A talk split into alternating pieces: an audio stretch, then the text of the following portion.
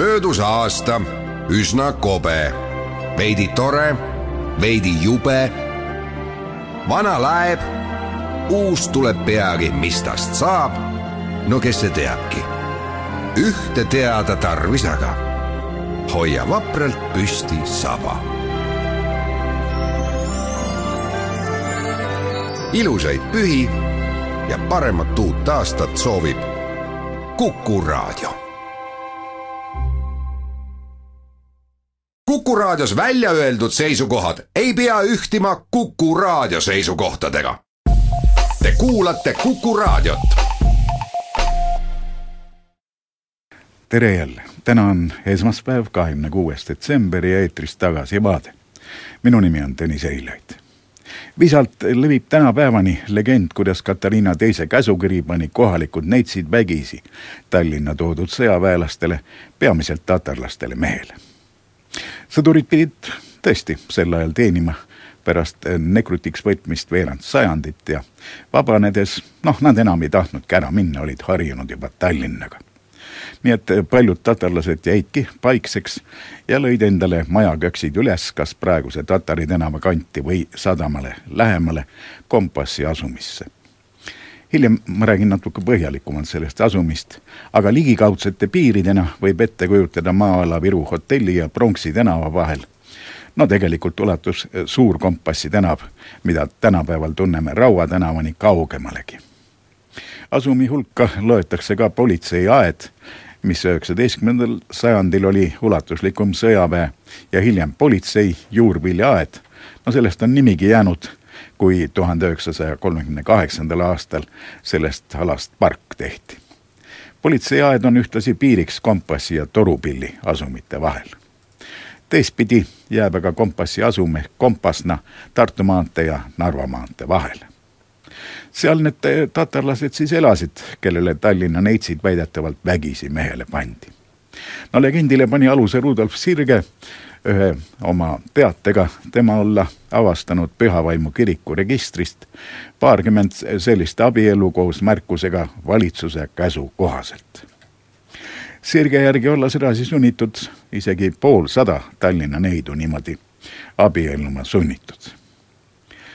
noh, jah, mine tea veel läinud sajandi kahekümnendatel aastatel elas igal juhul kompassi asumis kümmekond tatarlaste peret. hiljem nad kadusid sealt tõsi, keisrinna asjakohast käsukirja pole arhiivist leitud, aga tõesti on pühavaimu siis eestlaste koguduse abiellude registreerimise raamatus mitmekümne aasta jooksul sissekandeid eestlaste ja tatarlaste abieludest. kuueteistkümnel korral on abieludele sulgudes juurde lisatud, et valitsuse korraldus. Eeldatavasti olid ju tatarlased muhameedlased ja naised jälle kas luteri või õigeusku ja siis oligi vaja mingit korraldust. kuid see korraldus ei pruugi sugugi tähendada vihjet keisrinna käsule või mõnele muule Peterburi võimude korraldusele, sest iga kord on sellisel korraldusel seal raamatus erinev kuupäev. no vaevalt nüüd keisrinna pidi mitut käsukirja saatma, täiesti piisas, kui üks kord käskis ilmselt on nende segaabielude puhul tegemist Kubermangu valitsuse poolt antud loaga. pastoreid pigem sunniti jah, teinekord selliseid abielusid sõlmima, no isegi sel juhul, kui eksiti kohaliku moraali vastu, nagu soldati lese Kristiina uuesti abiellumisel pastor kurtis oma kirjapanekus, et tema meelest on väga ebasünnis lesknaist tema leina ajal uuesti laulatada. no aga kuidas sa käsu vastu ikka saad igal juhul ilmusid varsti Pühavaimu koguduse sünniregistrisse ka tatari päraste perekonnanimedega lapsed. jättes nüüd nood sundabielud tatarlastega kõrvale, mida tõenäoliselt siiski vist ei olnud, sukeldume kompassi asumi ajalukku. eriti põhjalikult on seda uurinud Jaak Juuske. ta väidab muuhulgas, et praeguse linnakeskme ehk siis City varasemad elanikud torkasid silma erilise vabameelsusega no Kompasna tekkis kunagi läbi linna voolanud, praegu küll torustikku suletud Härjapea jõe kallastel ja laienes pikkamööda üles politseiaia poole ja alla praeguse Viru väljakuni siis. tõenäoliselt ehitati esimesed hooned sinnakanti praeguse Raua tänava äärde, sest Narva maantee asemel käis just sealtkaudu liiklus Kadrioru suunas ja edasi Viimsi ning Virumaa poole tuhande kuuesaja kaheksakümne kaheksandal aastal näitab linnaplaan kompassi asumi kohal ka kaht suurt tilki. veel seitsmeteistkümnendal sajandil olid jõekaldad liigniisked ega ei kõlvanud suuresti elamiseks alles tuhande seitsmesaja kuuekümne üheksandast aastast on säilinud dokument, mis kõneleb Narva maantee ühe tollase kinnistu ostust ja müügist. niisiis, algul asustasid kompassi asumi tatarlased ja mitut sugu meremehed kõrvuti mõnede eestlastega. Muhameedlased teadupärast suured joodikud pole ning esimene kõrtski avati seal linnajaos alles tuhande kaheksasaja kolmekümnendal aastal. odavaid söögikohti siiski oli, näiteks Kördi klubi oli selline asutus. sealt sai üheksateistkümnenda sajandi lõpul imeodavalt peale suppide ka toeka prae kätte. Mis aga Kompasna kandi vabameelsusesse puutub, siis noh jah, tulevahetus politseiga polnud siinsele rahvale võõras. legendaarne oli Kompasna Volts ehk kodaniku nimega Voldemar Viikmann kaheksateistkümnendal detsembril tuhat üheksasada kolmkümmend kolm kirjutavad ajalehed kriminaalpolitseis kakskümmend aastat teeninud roimarite hirmust, nii nad ütlevad, Jaan Kase elust ja noh, tema oli Saaremaalt Leisi külast pärit ja läbi Venemaa ta teenis Vladivostokis kriminaalpolitseis, läbi Venemaa Eestisse sattunud.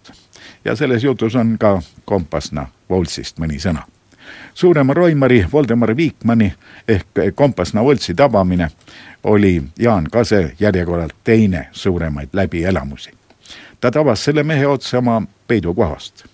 Volts tahtis oma tabaja kiiresti kahjutuks teha, aga Eesti Sherlock Holmes oli kiirem ja juba enne, kui Roimar oma laskeriista kätte sai, langes ta Kase revolvrikuulist. kuul oli läinud ta lõualuust läbi, kuid Volts ei surnud saadud vigastusse pärast karistusaja ärakandmist asus mees Venemaale, tuli aga sealt varsti tagasi ja hakkas töötama koos suurroimari Ernst Plaksuga. Kask tabas need mehed, kuigi Plaksu tabamiseks tuli pidada korralik lahing, kirjutavad ajalehed. no Juske märgib, et asum on tuntud ka spordihuvi poolest, sest Gonsiori ja Maneesi tänava nurgal asus toona Tallinna ratsasõidu edendamise seltsi Manees. noh, tänav on sellest oma nime ka saanud muide varem nimetati Maneesi tänavat Väike-Narva tänavaks ja siis Afanasjevi tänavaks. Ja sealkandis oli ka Kalevi spordiplats umbes praeguse Tallinki hotelli kohal.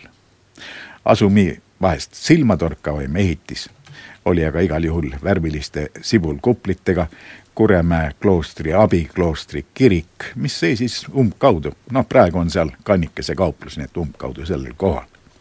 Nõukogude võim leidis, et selline kirik ikka ei kõlba ja olevat lastud õhku, teistel andmetel lihtsalt lammutati tuhande üheksasaja kuuekümnendal aastal. nunnad olid juba varem Kuremäele viidud. tuhande üheksasaja neljakümne neljanda aasta märtsi pommitamises langes kompassi asumile vaid paar pommi, aga seal olid valdavalt mäetid puumajad ja puhkes suur kahjutuli. nii et umbes pool asumi hoonetest hävis omaaegse keeruka tänavavõrgu hävitas aga lõplikult Pronksi tänava uue trassi rajamine kuuekümnendatel aastatel. ja hiljem hakati sinna ka väärikamaid majasid ehitama nii Pronksi kui Raua tänava serva. no võib-olla et kümmekond aastat hiljem, kui see Pronksi tänav valmis oli tänavaid muudeti ja tõmmati pikemaks, aga tegelikult juba varemgi pärast seda, kui Härjapea jõgi maa alla aeti. kõige viimane kompassi asumi ajalooga seotud maja tõmmati maha alles päris hiljuti. Kuulmiseni.